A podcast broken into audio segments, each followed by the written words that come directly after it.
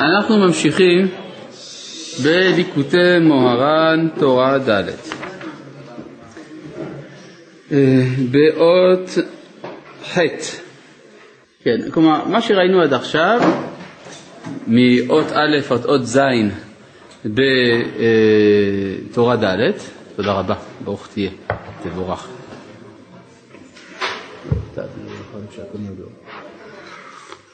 אלה הם דיבורים על אה, כוחו של הדיבור. הכוח של הדיבור מרוכז אצל רב נחמן במה שנקרא וידוי דברים לפני תלמיד חכם. כמובן זה, צריך לקרוא את זה בצורה עוד יותר רחבה, אבל פה רבי נחמן מתמקד בווידוי אה, לפני תלמיד חכם, והווידוי לפני תלמיד חכם יש לו גם תוצאות, כלומר הוא גורם לשחרר את הדיבור בכלל, ושחרור הדיבור מעלה את המלכות מבין הקליפות, ואז אפילו במצב של גלות אפשר לראות כיצד גם הטוב וגם הרע הכל מכוון לטובה, ואז האדם הוא נמצא במצב של אה, בבחינה, בבחינת אה, לעתיד לבוא, כן? ההערה העתידית שבה האדם מברך על הרעה כדרך שהוא מברך על הטובה, וזה משום ש... מה? אני אמרתי את זה כבר בתחילת השיעור פעמיים, אה, וזה אה, משום כך, יש סגולה לדיבור של התלמיד חכם להשיב את חלקי הנפש כל אחד אל מקומה, אל מקומו. טוב, עכשיו אם כן באות ח' וזהו שאמרו חז"ל.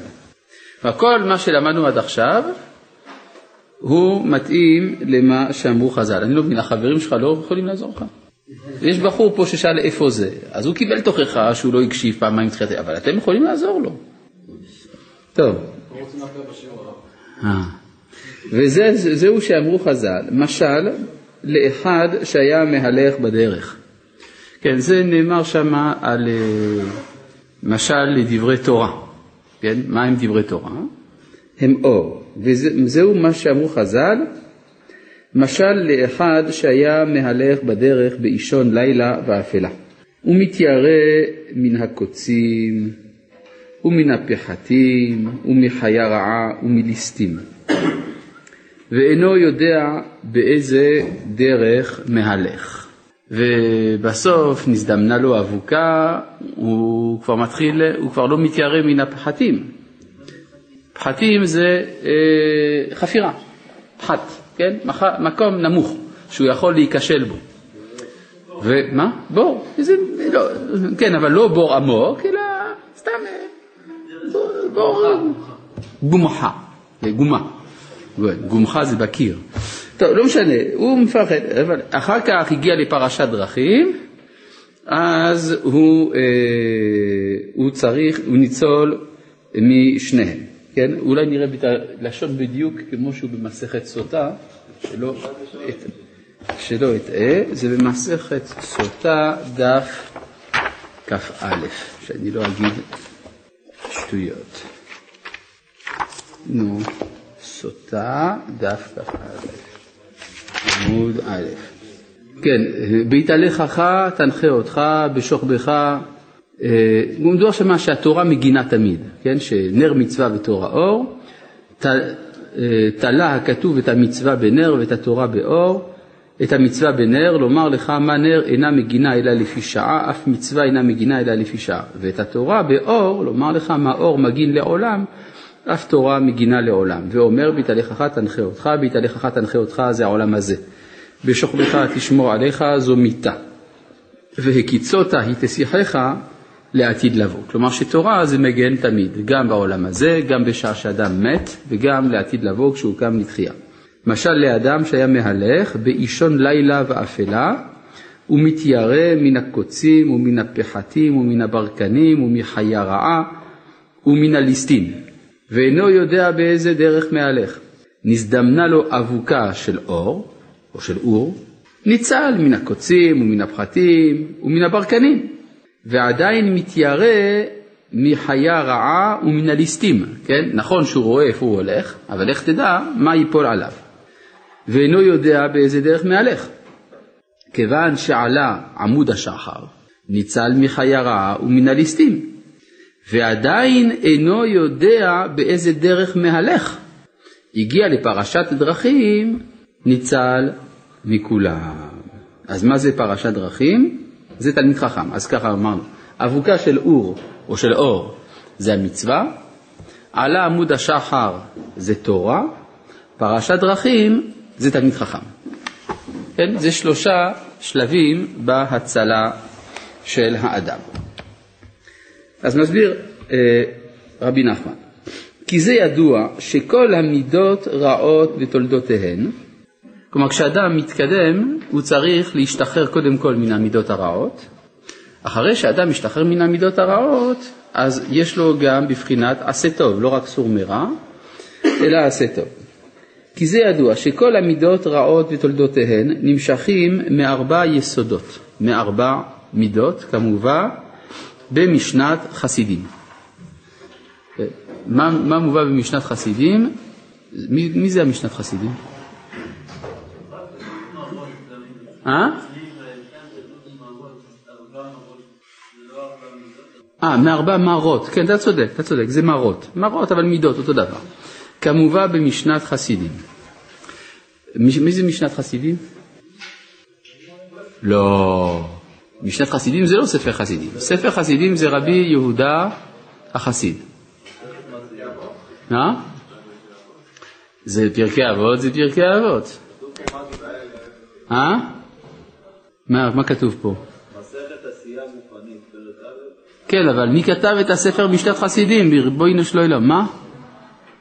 רבי עמנואל חי ריקי. פשוט. רבי עמנואל חי ריקי היה מהדורות הראשונים מיד אחרי הארי. חלק גדול מתורת הארי נמסרה באשכנז דרך המשנת חסידים ולא דרך הכתבים האחרים. כלומר, יש מקומות שמה שהכירו מכתבי הארי זה ספר משנת חסידים. אז באשכנז השתמשו הרבה בספר הזה. לכן הוא מביא כאן דבר שמקורו אצל רבי חיים ויטל באמת בספר שערי קדושה. אבל יכול להיות שספר שערי קדושה לא היה ידוע אצל החסידים כמו ספר משנת חסידים, לכן הוא מביא דווקא ממנו. מה מובא בספר שערי קדושה ובגרסה קצת שונה בספר משנת חסידים? שהמידות הרעות שבנפש הם קשורים לארבע יסודות. לארבע יסודות שבנפש שהם, דומה, שהם אה, אה, אש, רוח, מים ועפר.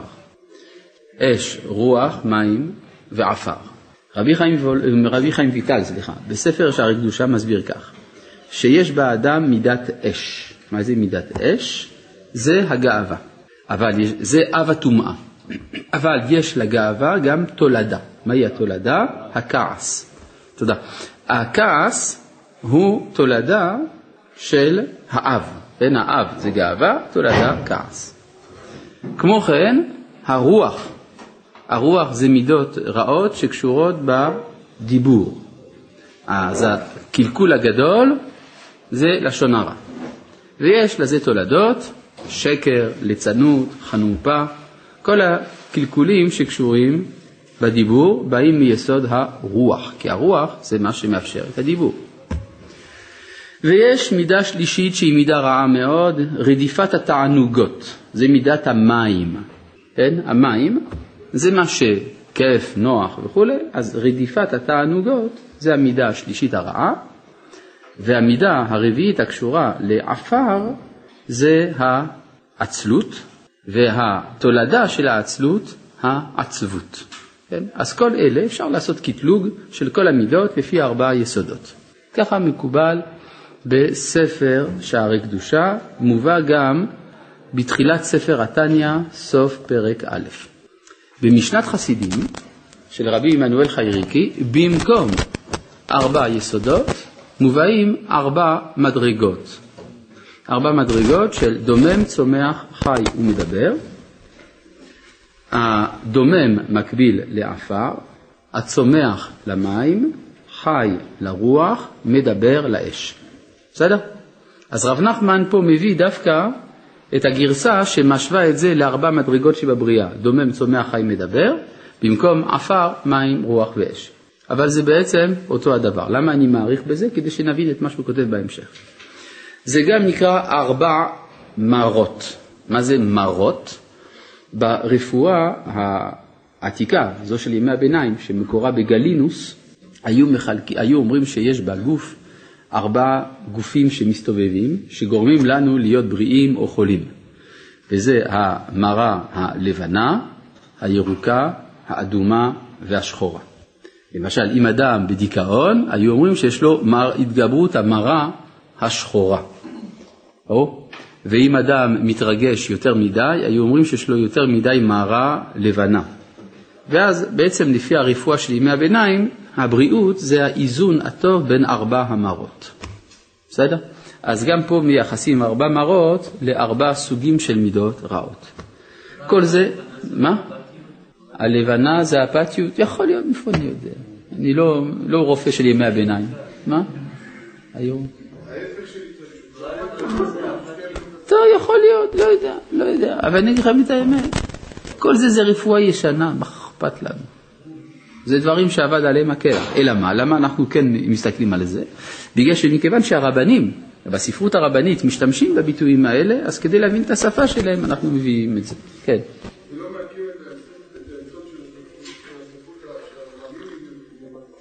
לא, כי זה בכלל לא משנה איך אתה קורא. למשל, זה שיש לאדם מרה שחורה, זה נכון בין שיש מרה שחורה בין שאין מרה שחורה. בכל מקרה יש מרה שחורה, נכון?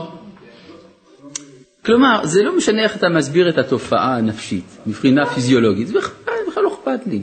הרעיון הוא נכון, שיש ארבעה סוגים של מידות רעות, שתואמים למדרגות שונות בנפש. אם יש לך הסבר פיזיולוגי או לא, אכפת לנו, לא משנה שום דבר. בסדר? טוב. אז בואו נתקדם. אני חוזר עוד פעם. כי זה ידוע שכל המידות רעות ותולדותיהן נמשכים מארבע יסודות, מארבע מרות, כמובן במשנת חסידים. אז מי זה משנת חסידים? רבי עמנואל חי ריקי. כן, זה, שתי, זה שלוש מילים. עמנואל חי ריקי. בסדר? אה, כמובן במשנת חסידים, עצבות ותולדותיהן, האפשר מתחיל ממטה למעלה, נמשכים מדומם. יכולנו להגיד עפר, אבל פה הוא מעדיף לומר דומם. אהלן, תן חיוך, מה יש? כן, תאוות רעות ותולדותיהן נמשכים מצומח. יכולנו להגיד מים. דברים בטלים ותולדותיהם נמשכים מחי. יכולנו להגיד רוח. גאווה ותולדותיהם נמשכים ממדבר, יכולנו לומר אש. יפה. ומי שרוצה ללך בדרך הקודש, צריך לשבר כל המידות רעות. ויספר, לפני התלמיד חכם, היינו וידוי דברים. אז אם כן, יש פה שני דברים שצריך לעשות. א', סור מרע, דבר שני, עשה טוב. אני צריך קודם כל להתגבר, לשנות את כל המידות הרעות שלי, אחרי שאני משנה את המידות הרעות שלי, אני גם בא לטפל בזה, לקבל טיפול אצל תלמיד חכם על ידי וידוי. היינו וידוי דברים. והתלמיד חכם, מה הוא יעשה עם זה? יפרש ויברר לו דרך לפי שורש נשמתו. כלומר, לא ללכת לתלמיד חכם שלא יודע לזהות את שורש הנשמה שלך. אם לא, סתם הלכת. מה? אז אתה הולך לתלמיד חכם, הוא אומר, אה, אתה, כן, שורש נשמתך מהעולם ההוא וההוא, אז אתה צריך להשתמש במידות האלה באופן הזה והזה. ויש שלוש בחינות בהתקרבות הצדיקים, שעל ידי שלוש בחינות אלו נתקן הכל, ואלו הם השלוש בחינות. הבחינה הראשונה, כשרואה את הצדיק. הבחינה השנייה, הצדקה שנותן לתלמיד חכם, אני דילגתי, כן? הבחינה השלישית, כשמתוודה וידוי דברים לפני תלמיד חכם. למה דילגתי? כדי שיהיה לנו ברור לקראת מה אנחנו הולכים. אז קודם כל בואו בוא נחזור. הבחינה הראשונה, מה שקראתי עכשיו, כתוב כאן, נכון? יש פה שלוש פסקאות, נכון. אז כן, הבחינה הראשונה, כשרואה את הצדיק. כן? הוא רואה את הצדיק, וואו, עושה רושם אדיר. מדובר בצדיק שיש לו הקרנה. בכלל שאלה, איך מתקרבים לצדיקים? כתוב בגמרא, גדול שימושה של תורה יותר מלימודה. אז יוצא לפי זה שיש שני אופנים. יש ללמוד מהצדיק, יש לו כל מיני רעיונות, יש לו דברי תורה וכולי, זה נקרא לימוד. הלימוד זאת פעולה אינטלקטואלית, שכלית. יש התקרבות לצדיק, שרים איתו ביחד, עושים ניגון, אוכלים את הטיש שלו, את השאריים בטיש, וכל מיני דברים כאלה, יש איזו התרגשות עצומה, הקרנה עצומה. השאלה היא, מה עדיף? אז המתנגדים, הם אומרים שיותר טוב ללכת בדרך השכלית. האדם צריך להיות דבק בתלמידי חכמים, דרך הלימוד. החסידים אומרים, עוד כוסית וודקה, זה גם דבקות, נכון? השאלה היא, מי צודק?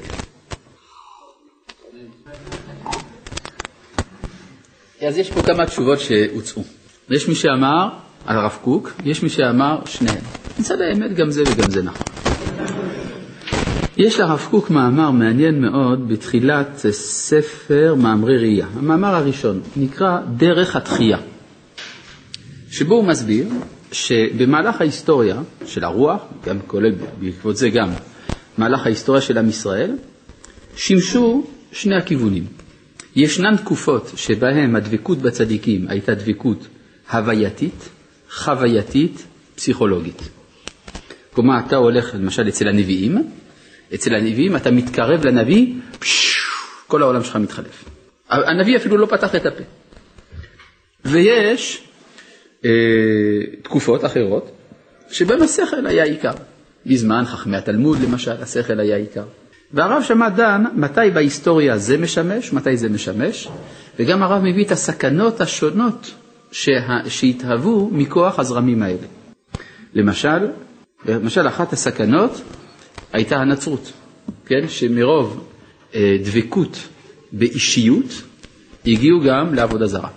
כן? יש אה, סכנות כאלה, והרב מסביר שבארץ ישראל יש כיום, בזמן הגאולה, סינתזה בין שני הדברים.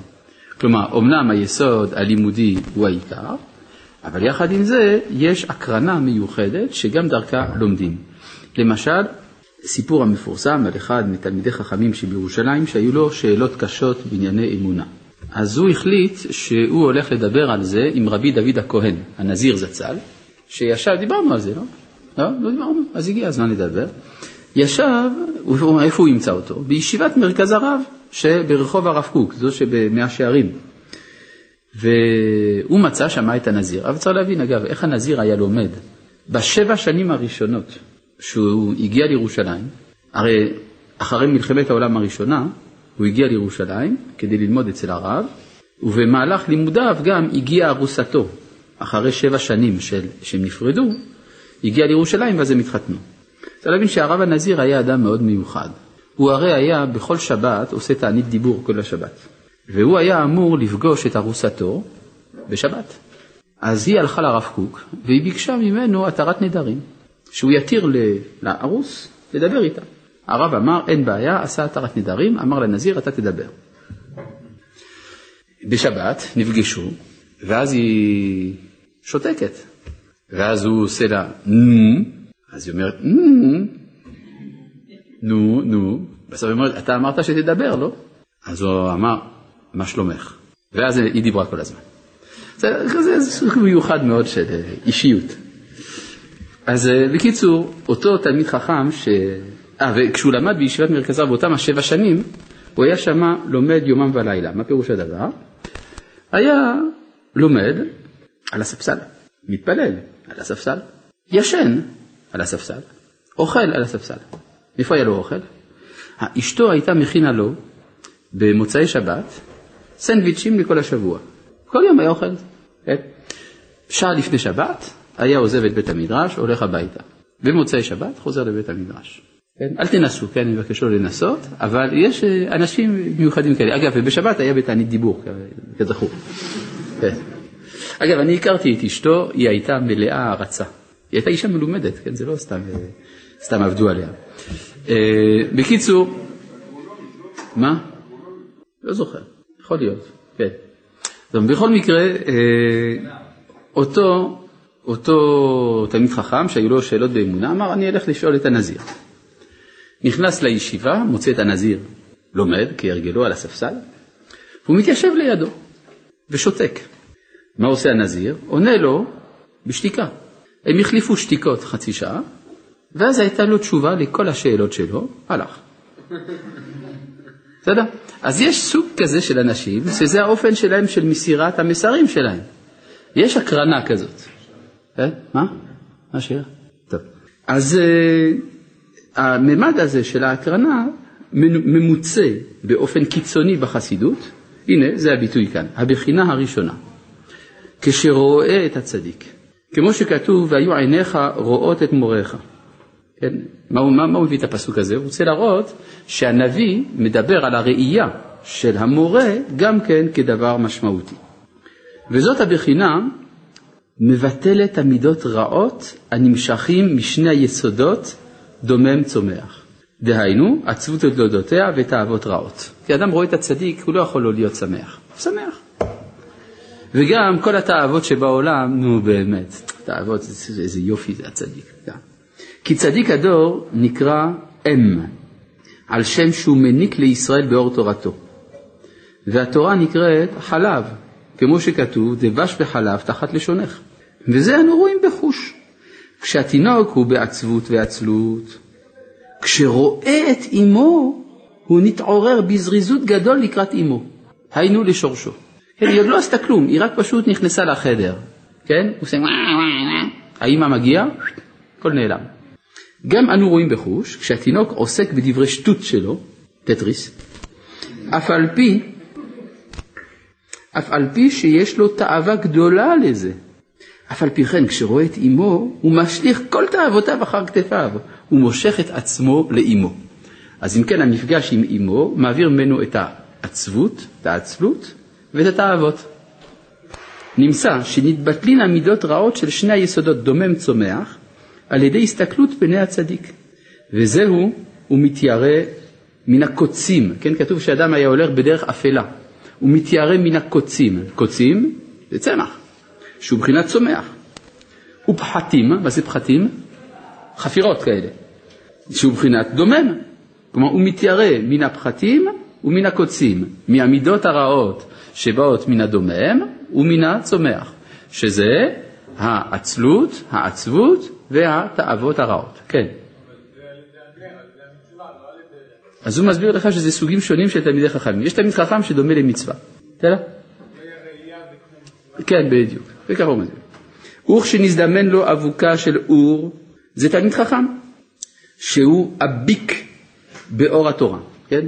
אביק בארמית, הכוונה מחובק, אה, אה, מאובק, כלומר אה, דבוק. אז לכן אבוקה של אור זה תלמיד חכם. ועל ידו ניצול ממידות רעות של שני יסודות דומם צומח. ואז ניצול מן הקוצים ומן הפחתים. זה דבר ראשון. הבחינה השנייה, הצדקה שנותן לתלמיד חכם. כן, הרי נוהגים אצל החסידים, כשמגיעים לרבה נותנים לו פדיון, זה נקרא. כן, כלומר, לאן הולך הכסף אגב? לכל מיני דברים טובים שעושה הצדיק, כלומר זה ודאי לא בשבילו. כן? אתה נותן לצדיק, אבל הצדיק עושה עם זה כל מיני דברים. למשל אומרים, כשרוצים שמישהו יתפלל, יתפלל עליך, אתה נותן לו כסף. בשביל מה צריך לתת לו כסף? פשוט שלא יהיה קטרוג. הרי הצדיק מתפלל, התפילה מגיעה למעלה, הוא אומר, אני מבקש, ריבונו של אוילום, שתרחם על שפרינצה בסגיטל ותיתן לילד. אומר הקדוש ברוך הוא, ומה אכפת לך? אומר הצדיק, אבל אני קיבלתי כסף על זה. כלומר, יש לי אינטרס אישי. כן. עכשיו כמובן, מה הוא יעשה עם, הצ... עם הכסף הזה? זה לא בשבילו. הוא י... יעשה מזה צדקה, תורה, גמילות חסדים, והרבה דברים הוא יעשה עם זה. יבנה בית כנסת, יבנה, לא יודע מה, מקוואות, מועצה דתית, לא, כל מיני דברים. אבל יש פה איזושהי התחברות, ודאי שלא לעניינים האישיים של הצדיק, לא בשביל זה הוא קיים. אז זה גם כן, הבחינה השנית, הצדקה שנותנת תלמיד חכם, שעל ידי זה ניצול ממידות רעות של שני יסודות חי מדבר. שהם בחינת חיה רעה וליסטים, כן, חיה רעה זה חי, ליסטים זה מדבר. אז אמרנו קוצים צומח, פחתים דומם, חיה רעה חי, ליסטים זה מדבר. שהם דברים בטלים וגאווה ותולדותיהם. כלומר, אדם נותן צדקה לתלמיד חכם, פתאום הוא מפסיק להגיד דברים בטלים והוא מפסיק להיות בעל גאווה. מדוע? בגלל שהוא יוצא מעצמו. כשאדם נותן צדקה, הוא כבר פונה אל הזולת. ברגע שהוא פונה אל הזולת, אז הוא רוצה להיטיב, הוא לא רוצה להרע. כן? אז מה שאומר, כי על ידי דברים בטלים ולשון הרע, בעניות, כמו שכתוב, כי מתו כל האנשים. זהו עניות. לכן אתם מבינים למה אין תקציבים לתרבות במדינת ישראל. כי על ידי דברים בטלים מגיע לידי עניות. גם בגאווה אמרו סימן לגסות הרוח עניות, כן? אחד הסימנים, כלומר איך אתה יודע שהאיש הזה יש לו גסות רוח, גאווה? אתה רואה, העניות. ועל ידי צדקה נתעשר. הרי אדם שנותן צדקה נהיה עשיר מזה, נכון? ברגע שהוא נהיה עשיר, אז אין לו גאווה. העשירים אין להם גאווה, אתם יודעים למה? כי הוא לא צריך לעשות רושם על אף אחד, יש לו כסף. מה? כן? הוא גם לא צריך להזיק לאחרים, יש לו כבר כל מה שהוא צריך. כמו שאמרו חז"ל, אם שלמים וכן רבים וכן נגוזו ועבר והניתיך והניתיך לו עיניך. והניתיך לו עיניך. שוב אין מראים לו סימני עניות. מה זה אם שלמים וכן רבים? שלמדו את זה בגמרא, אם אדם הוא, ש... אה, הוא נותן צדקה, זה, זה לומדים את הדיוק של הפסוקים של המילים משלמים וכן רבים, וכן נגוזו ועבר והניתיך לו עיניך, שאדם שנותן צדקה כבר לא מראים לו סימני עניות, וזהו, כיוון שעלה עמוד השחר ניצול מחיה רעה ומליסטים. מה זה עמוד השחר? רמז לצדקה. כן, איפה יודעים שצדקה זה עמוד השחר? כמו שכתוב, כי תראה ערום וכיסיתו ומבשרך לא תתעלם, אז ייבקע כשחר אורך. נמצא על ידי צדקה ניצול ממידות רעות של שני יסודות, חי מדבר, שהם בחינת חיה רעה וליסטים. כן. למה זה לא ייתן סתם צדקה? לא, גם אם הוא ייתן צדקה לעני זה יעזור. אלא שאנחנו מדברים פה בדרך לתלמיד חכם. כלומר, אנחנו צריכים את הבחינה השלישית. אז אם כבר הוא עושה את הכל ביחד, כן? הבחינה השלישית, כשמתוודה, וידוי דברים לפני תלמיד חכם. זאת אומרת, עוד לפני שהוא פתח את הפה, כבר הסתלקו ממידות, ממנו המידות הרעות. כבר הראייה והצדקה סילקו ממנו את כל הרע. כשמתוודה, עכשיו, אז מה יש לו לעשות עכשיו? אז ככה זה, הדיבור עם התלמיד חכם כבר מתחיל להיות מיותר כמעט. לא. הבחינה השלישית, כשמתוודה וידוי דברים לפני תלמיד חכם, שעל ידי זה התלמיד חכם מדריך אותו בדרך ישר, לפי שורש נשמתו. כלומר, זה היה אסור מרע, עכשיו יש עשה טוב, דרך השלילה, דרך החיוב. כן, לכל אדם יש שורש נשמה, שורש נשמה משלו, נאמר ככה, נגיד את זה בשפה יותר רציונלית, אופי מיוחד. יש לך אופי, לפי האופי שלך, אתה צריך הדרכה מיוחדת שהיא שונה מהאופי של אדם אחר. כן? וזה הגיע לפרשת דרכים, כלומר התלמיד חכם מפרש לו את הדרך. פרשת דרכים, ואמרו חז"ל, שם בסוטה, זה תלמיד חכם ויום המיתה. כן, מה אתה רוצה?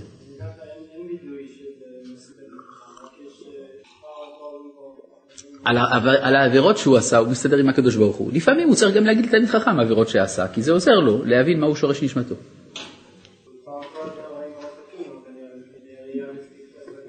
יש תיקון המידות, אבל מה עם תיקון המעשים? הרי העבירות נמצאות בעצמות, נכון? לפי מה שלמדנו. צריך שהתלמיד חכם יוציא את זה, כלומר, לא, המתוודה מוציא את זה מן העצמות, הופך את זה לדיבורים של וידוי, ואז תלמיד חכם משתמש באותיות ומסדר מחדש את הפאזל. בסדר? אז זהו תלמיד חכם ויום המיתה. וזה בחינת וידוי דברים לפני תלמידי חכמים. יום המיתה רמז על הווידוי, כן? כלומר, תלמיד חכם ויום המיתה. תלמיד חכם שמתוודים לפניו. מה הקשר בין יום המיתה לבין וידוי? כמו שאמרו חז"ל, כל המומתים מתוודים. אז להתוודות זה סוג של מוות. כלומר, צריך למות, כלומר להתוודות. וזה נקרא פרשת דרכים, כי התלמיד חכם מפריש לו, כלומר מפרש לו, דרך לפי שורש נשמתו. אזי ניצול מכולם, זה לשון הגמרא, כי קודם שהתוודה, אף על פי שהיה אצל התלמיד חכם ונתן לו ממון, עדיין אינו יודע באיזה הוא דרך הוא מהלך. כי יש דרך ישר לפני איש, ואחריתה דרכי מוות. אבל כשהגיע לפרשת דרכים, זה תלמיד חכם ביום המיטה, היינו וידוי דברים לפני תלמיד חכם, אזי ניצול מכולם. טוב, עד עכשיו כמעט ולא היה חידוש לעומת מה שלמדנו עד עכשיו. כלומר, רק חוץ מהנושא של הצדקה שהיה חידוש. אבל באופן כללי למדנו מהו הערך של הווידוי דברים לפני תלמיד חכם. וזה בכל פעם שבא אצל תלמיד חכם, הוא מספר לפניו כל ליבו, והתלמיד חכם הוא בבחינת, הוא בבחינת מוישה, שהוא בחינת עין, כמו שכתוב, והחוכמה מאין תימצא, ועל ידי זה אתה נכלל באין סוף. כלומר, התלמיד חכם, אם הוא באמת תלמיד חכם, אין לו חוכמה משלו. אלא יש לו רק חוכמה של מה שהוא למד מרבותיו, לכן קוראים לו תלמיד חכם. אם הייתה לו חוכמה משלו, היינו קוראים לו חכם. אבל מכיוון שהוא תלמיד של חכם, לכן קוראים לו תלמיד חכם. יוצא לפי זה שהתורה של התלמיד חכם איננה שלו. אז דרך הווידוי דברים לפני תלמיד חכם, הוא מתחבר לאור אינסוף, שדרך החוכמה של אותו תלמיד חכם, כמו שכתוב, והחוכמה מאין תימצא. וזה בחינת זרקה. מה זה זרקה? זה אחד הטעמים, נכון? אחד, יש טעם בין טעמי המקרא שקוראים לו זרקה, איך הוא נראה? כמו אס הפוך שוכב, נכון? כמו זד קצת ככה, אס הפוך שוכב. זה נקרא בחינת זרקה. דאיזדריקת, כאן זה לשון הזוהר, דאיזדריקת לאתר דתנטילת מתאמן, שתחזיר את המלכות לאינסוף, שהוא רצון שבכל הרצונות. מה זאת אומרת רצון שבכל הרצונות? זאת אומרת שלפני כל הרצונות יש רצון. למשל, למה הדבר דומה? לאדם שרוצה לבנות בית. זה הרצון הראשון שלו. עכשיו, מהרצון הראשון הזה נגזרים כל מיני רצונות אחרים.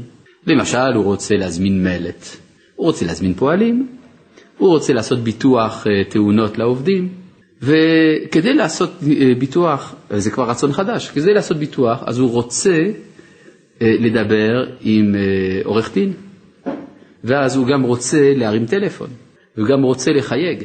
כלומר, הרצון הגדול הראשוני מתפרט למיליונים קטנים של רצוני רצונות. אבל הרצון המקורי שמכוחו מחזיקים כל הרצונות האלה זה הרצון שלו לבנות בית. אז אותו דבר, הרצון של כל הרצונות נקרא מלכות דאינסוף, כן. זרקה זה דאיזדריקת לאתר דאיתנטילת מתאמן. אה, אתה היחיד ששאל. מסקנה, כל האחרים שלא שאלו, למרות שהמשכתי בטקסט, סימן שהם הבינו. אז בוא נשאל מישהו ככה באופן אקראי והוא יענה לך. מה זה אתר דאיתנטילת מתאמן? טוב, נגיד, דאיזדריקת שנזרקת לאתר, למקום, דאיתנטילת מתאמן שנלקחה משם. זאת אומרת, הזרקה מסמן את הרצון לשוב אל המקור, אל הרצון הראשון.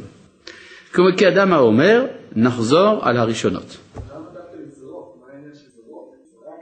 כי זה קשה לחזור אל המקור, צריך זריקה. למשל, זה כמו בבומרנג, כן? אתה זורק, זה חוזר, כן? זה זרקה.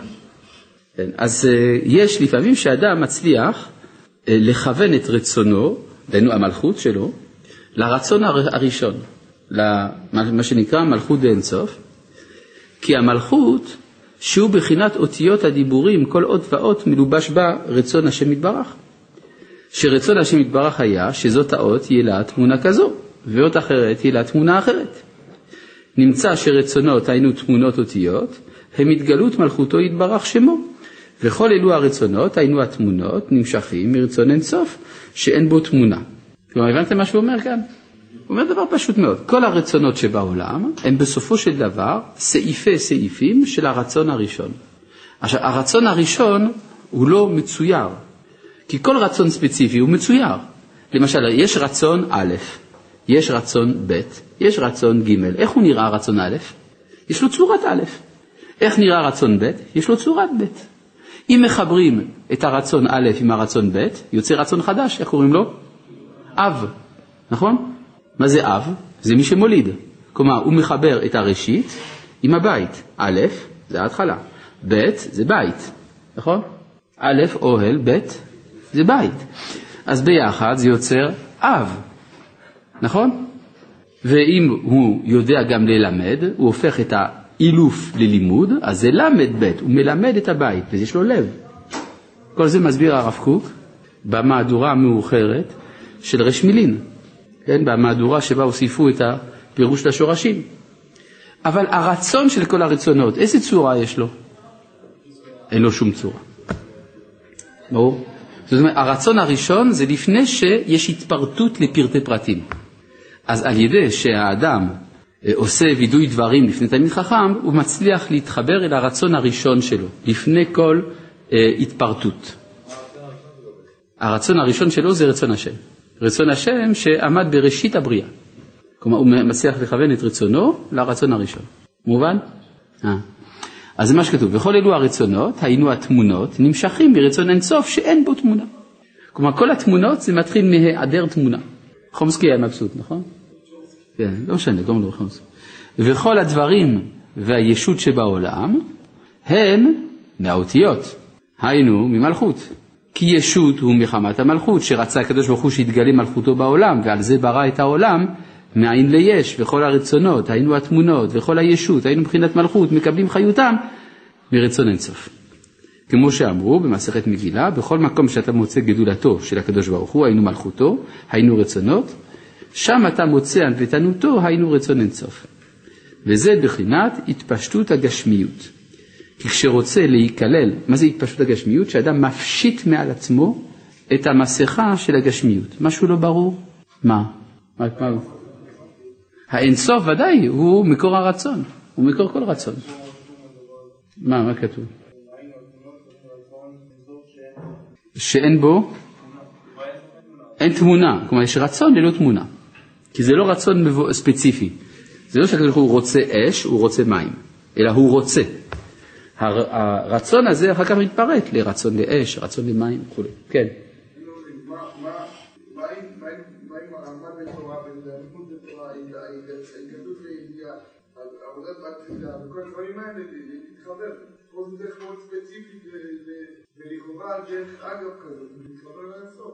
מה הבעיה? הוא מדבר עם תלמיד חכם, שופך את ליבו לפני תלמיד חכם, מתחבר לאינסוף, מה הבעיה? זה מבטל את כל העולם של. זה מבטל את כל העמל של העולם הזה. נכון? יוצא לפי זה שזה מדריך לפסיביות, מה שכתוב כאן, נכון? זו השאלה שלך. כן, איזה תועלת זה יביא לעולם? יפה, זו התשובה. תקשיב, הוא אמר, אבל יש עוד דפים בספר.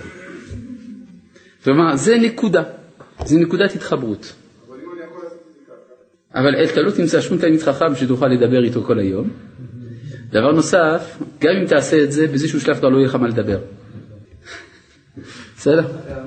הרי מה שאמר רבי יוחנן, רבי יוחנן אמר משהו מאוד מעניין. הלוואי ויתפלל האדם כל היום כולו. מה זה הלוואי? כי אי אפשר. כן. באיזה נקודה שהוא שופט את ליבו לפני הצדיק, לפני תלמיד חכם, כן. לפני תלמיד חכם, החיבור מגיע אליו, זאת אומרת, מתי הוא מעביר את זה, זה נשמע לי כמו שהצדיק לוקח את זה אליו, עושה את הכוונות שלו, וזהו, אבל איפה הקשר ביניהם פה? כאילו... לא, התלמיד חכם מפרש לו את דרכיו, נכון? נותן לו הדרכה. אז זה החיבור שלו לאין סוף, זה... לא, לא, עצם המפגש, כלומר עצם המפגש שבווידוי, זה כבר מחבר אותו אל האינסוף. על איזה תלמיד חכם מדובר פה? על איזה תלמיד חכם? על אחד אמיתי. זה, זה כמו שפעם הייתה מודעה, היה לכנס רבנים, היה כתוב ככה, הרב הגאון פלוני, הרב הגאון פלוני, הרב הגאון פלוני, בסוף היה כתוב בשורה האחרונה, הרב הגאון האמיתי פלוני. כן. אמיתי, שיש לו תורת אמת. איך תלמיד חכם הוא באמת תלמיד חכם אמיתי?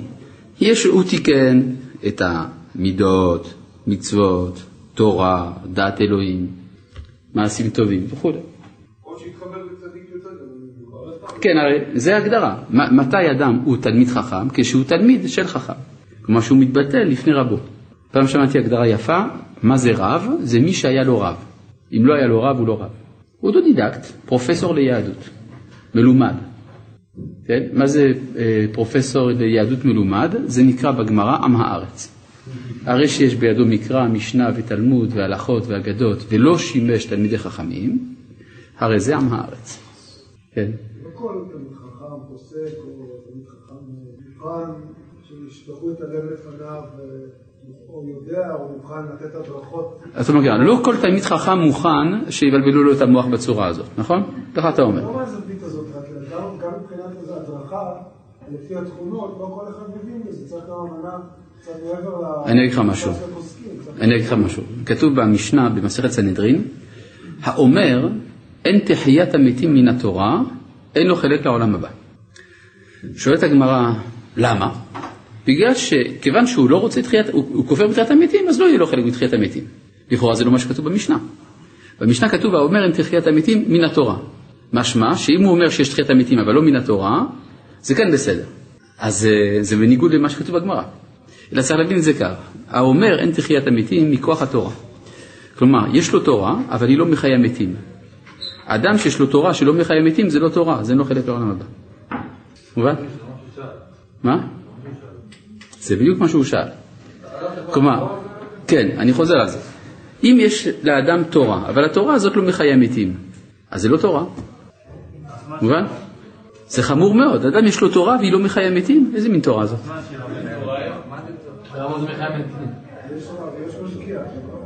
מה זה מחיי מתים? מחיי מתים זה שאלה ששאלו את מהרשד"ם. שאלו את רבנו שמואל די מדינה, מהרשד"ם. שאלו אותו, אה, איך זה שכתוב בגמרא שהקטן שבאמוראים ידע להחיות מתים? מה הייתה הסברה של המקשה? שאם זה נכון, אז למה אנחנו כל כך מתלהבים מזה שאליהו ואלישע יחיו את המת? הרי אם כל אחד שעבר קורס של סמסטר אחד באמוראות, הוא כבר יכול להחיות מתים.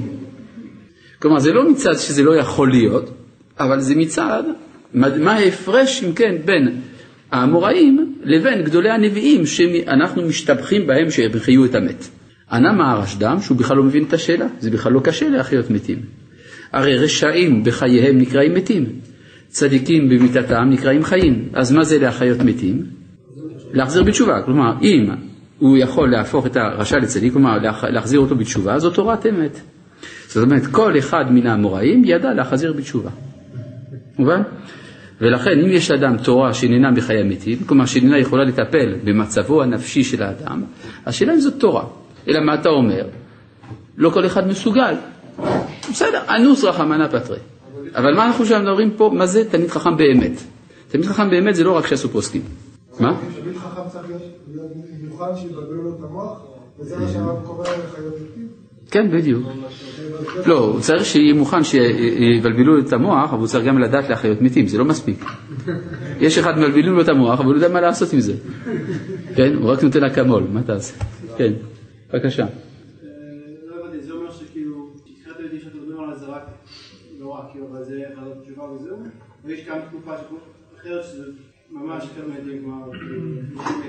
אתה שואל האם לפי היהדות יש תחיית המתים ממש, זה מה שאתה שואל? רגע, אתה שואל האם לפי היהדות יש תחיית המתים ממש, זאת השאלה? תשובה כן, יש. לא, זה משהו אחר. כלומר, תחיית המתים זה בהרבה מדרגות.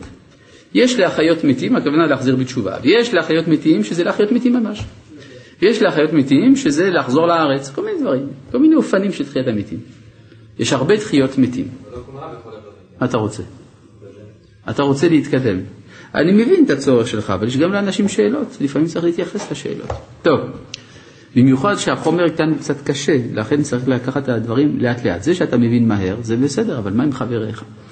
טוב, אה, וזה בחינת התפשטות הגשמיות. מה זה התפשטות הגשמיות? שאדם מפשיט מעל עצמו את הגשמיות. כי כשרוצה להיכלל ברצון אינסוף, צריך לבטל את הישות שלו. וזהו שכתוב בזוהר, שהסתלקות משה בשבת, בשעתה דמנחה. כן, הרי מתי משה מת? הוא מת בשבת אחרי הצהריים. למה? שאז התגלות רעבה דרעבינה, שמתגלה אז הרצון שברצון. שהוא בחינת רצון אינסוף, שכל הרצונות מקבלים חיותם ממנו. וזה מחמת שביטל משה כל ישותו, כמו שכתוב, ונחנו מה? וזה פירוש, ויקבור אותו בגיא. זה בחינת עין.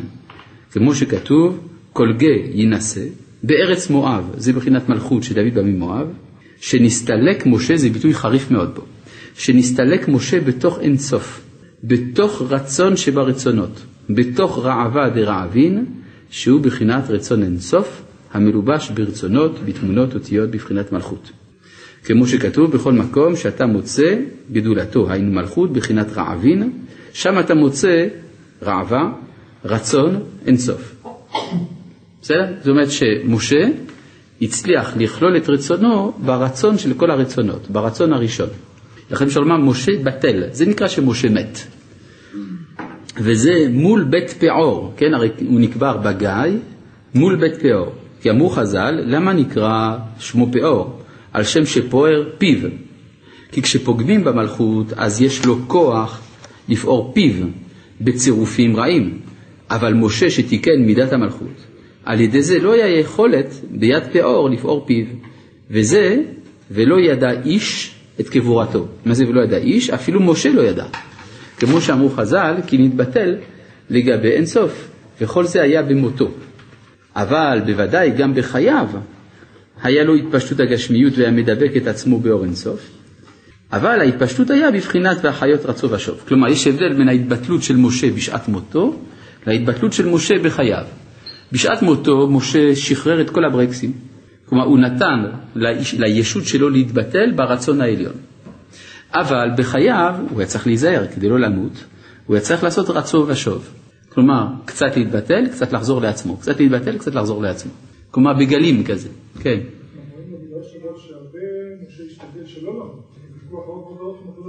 כן, משה השתדל מאוד שלא למות. אה, כשבסוף הוא הסכים למות. מה זה לא הייתה לו ברירה? לא יודע. אבל בסוף הוא הסכים למות. מה? רק שנייה, הבנת אותי או לא? מובא במדרש, יש ויכוח בין הקדוש ברוך הוא... אני התחלתי לענות לך. יש במדרש אה, ויכוח בין הקדוש ברוך הוא למשה, האם למשה מגיע למות או לא. ואז יש איזה 15 טענות של הקדוש ברוך הוא, משה דוחה את כולן. עד שבסוף יש טענה אחרונה של הקדוש ברוך הוא, שלא ניכנס אליה כעת, בסוף משה מסכים, ואז הוא מת, נכון? זאת אומרת שמשה באיזשהו שלב הסכים, הסכים שזה צודק שהוא ימות, ולכן הוא מת. זה לא יפה להרוג בן אדם סתם ככה. אז ריבונו של עולם חיכה עד שמשה יסכים. בסדר? טוב, כן.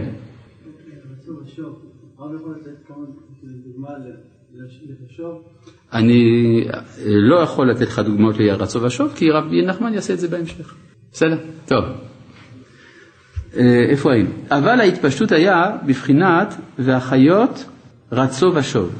כי הקדוש ברוך הוא רוצה בעבודתנו. אז אי אפשר אה, למות, זה לא בסדר למות. לא, באמת, זה לא בסדר. היה מקום לחשוב שזה טוב למות. ככה למשל במיסטיקה המזרחית, לענפיה, אומרים שיש עדיפות למוות על פני החיים.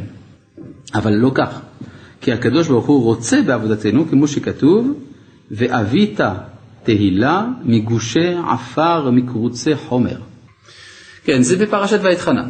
כתוב, אה, ויהי כשומעכם את הקול מתוך החושך, וההר בוער באש, ותקרבון אליי כולכם, כל ראשי זקניכם ושוטריכם, ותאמרו, הן הראנו השם אלוהינו את כבודו ואת גודלו, ואת דבריו שמענו מתוך האש. היום הזה ראינו כי ידבר אלוהים את האדם וחי, ועתה למה נמות? הבה ננתח את הדברים. מה הם חשבו לפני כן ומה התברר להם אחר כך? לפני כן הם חשבו שזה טוב למות, כי זה הדרך היחידה להיפגש עם ריבונו של עולם, אז הם אמרו שזה כדאי. אבל היום הזה ראינו כי ידבר אלוהים את האדם וחי, ועתה למה נמות? כלומר עד עכשיו חשבנו שיש תועלת במוות, עכשיו אנחנו רואים שאין תועלת במוות, בסדר? מה זה? לא רק בתרבות המצרית, בכל העולם כולו, בני אדם חושבים שהדבקות באלוהים תלויה באפסיות, במוות. היהדות חידשה חידוש עצום, ובחרת בחיים. כן, החיים והמוות נתתי לפניך. נו, במה תבחר? מן הסתם במוות. כי הרי מי לא רוצה למות כדי להידבק בשם? אבל הקדוש ברוך הוא אומר, לא, בחרת בחיים. למען תחיה אתה וזרעך לאדמה. זה חידוש עצום של היהדות, שיש חיים בעולם הזה.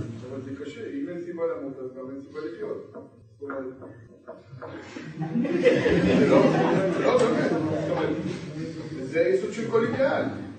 מה זאת אומרת? לא שצריכים למות, לא שלמות זה הדבר הנזכר, אלא אם יש סיבה למות. אם לפעמים אדם צריך להקריב את חייו, בסדר, יקריב. בסדר, לא אמרנו שאנחנו נגד זה. אבל לכתחילה, ריבונו של עולם מעדיף ששמו יתקדש דרך החיים. בסדר? אז זה מה שהוא אומר כאן. אה, ובשביל זה צריך שלא יישאר כן. כלומר, לא, לא צריך כל הזמן להיבלע ברצון העליון, אלא עד עת שיבוא הקדוש ברוך הוא בעצמו וייטול נשמתו. וזה שאנו רואים שלפעמים נתלהב האדם, הנה עכשיו דוגמה של מה זה רצו ושוב. הנה דוגמה. שאנו רואים שלפעמים נתלהב האדם בתוך התפילה. פס, מתלהב. ואומר כמה תיבות בהתלהבות גדול. מאיפה זה בא לו? זה בחמלת השם עליו, שנפתח לו אור אינסוף והאיר לו. כלומר, זכית. ההתלהבות הזאת היא לא התלהבות מקרית, אלא זה, זה בא אליך. זה לא שאתה עוררת את זה, אלא זה התעורר. מכוח פנייה, כן. אה, ריבונו של עולם מטפל בזה, אתה לא צריך לעשות כלום, זה בא מעצמו. וכשרואה אדם התנוצצות הזאת, אף על גב דאי הוא לחזה מזל יחזה, כלומר אף על פי שהוא לא רואה, מזל לא רואה. תכף נתלהב נשמתו לדבקות גדול, לדבק את עצמו באור אינסוף. וכשיעור התגלות אינסוף לפי מניין התיבות שנפתחו והתנוצצו, כל אלו התיבות אומר בדבקות גדול ובמסירות נפשו ובביטול כוחותיו. הרבי, המגיד ממזריץ' היה מתפלל לפני תפילתו שהוא יצא חי מתפילתו. כן. ובשעה שנתבטא לגבי אין סוף, אזי הוא בבחינת ולא ידע איש, שאפילו הוא בעצמו אינו יודע מעצמו. אבל זאת הבחינה, צריך להיות רצו ושוב, כדי שיתקיים ישותו. נמצא כשהוא בבחינת ושוב, אז צריך להראות גם לדעתו. כי מתחילה בשעת דבקות היה מתבטא לדעת, כמו שכתוב, ולא ידע איש, וכשהוא בבחינת ושוב, ששב לדעתו, לישותו, אז שב לדעתו. וכששב לדעתו, אז הוא יודע אחדות האינסוף וטובו. כלומר, אז הוא יודע שהקדוש ברוך הוא מחבר גם את הנעלם, אור אינסוף, יחד עם הכרתו המצומצמת, חיי העולם הזה. ואז אין חילוק בין השם לאלוהים, בין מידת הדין למידת הרחמים, כי באין סוף אין שייך חס ושלום שינוי רצון, כי השינויים אינו אלא בשינוי התמונות, אבל על ידי הדבקות של אדם באין סוף, ששם אין שינוי רצון, כי שם רצון פשוט, ואחר כך נשאר בו רשימו, רושם הכוונה, מהאחדות הזאת, ואחר כך נעשה בבחינת ושוב, אז הרשימו מראה לדעת, שידע שכולו טוב וכולו אחד. וזהו שאמר משה לדורו, אתה הוראית, כלומר הראו לך קצת אור, למה? לדעת. כי השם הוא האלוהים, כי משה הוא בבחינת עין, ודורו הדבוקים אליו ראוי להם לדעת. היינו להאיר לדעת בבחינת אינסוף, בבחינת רבא דרעבין, בבחינת השם הוא האלוהים. טוב, עד כאן להיום.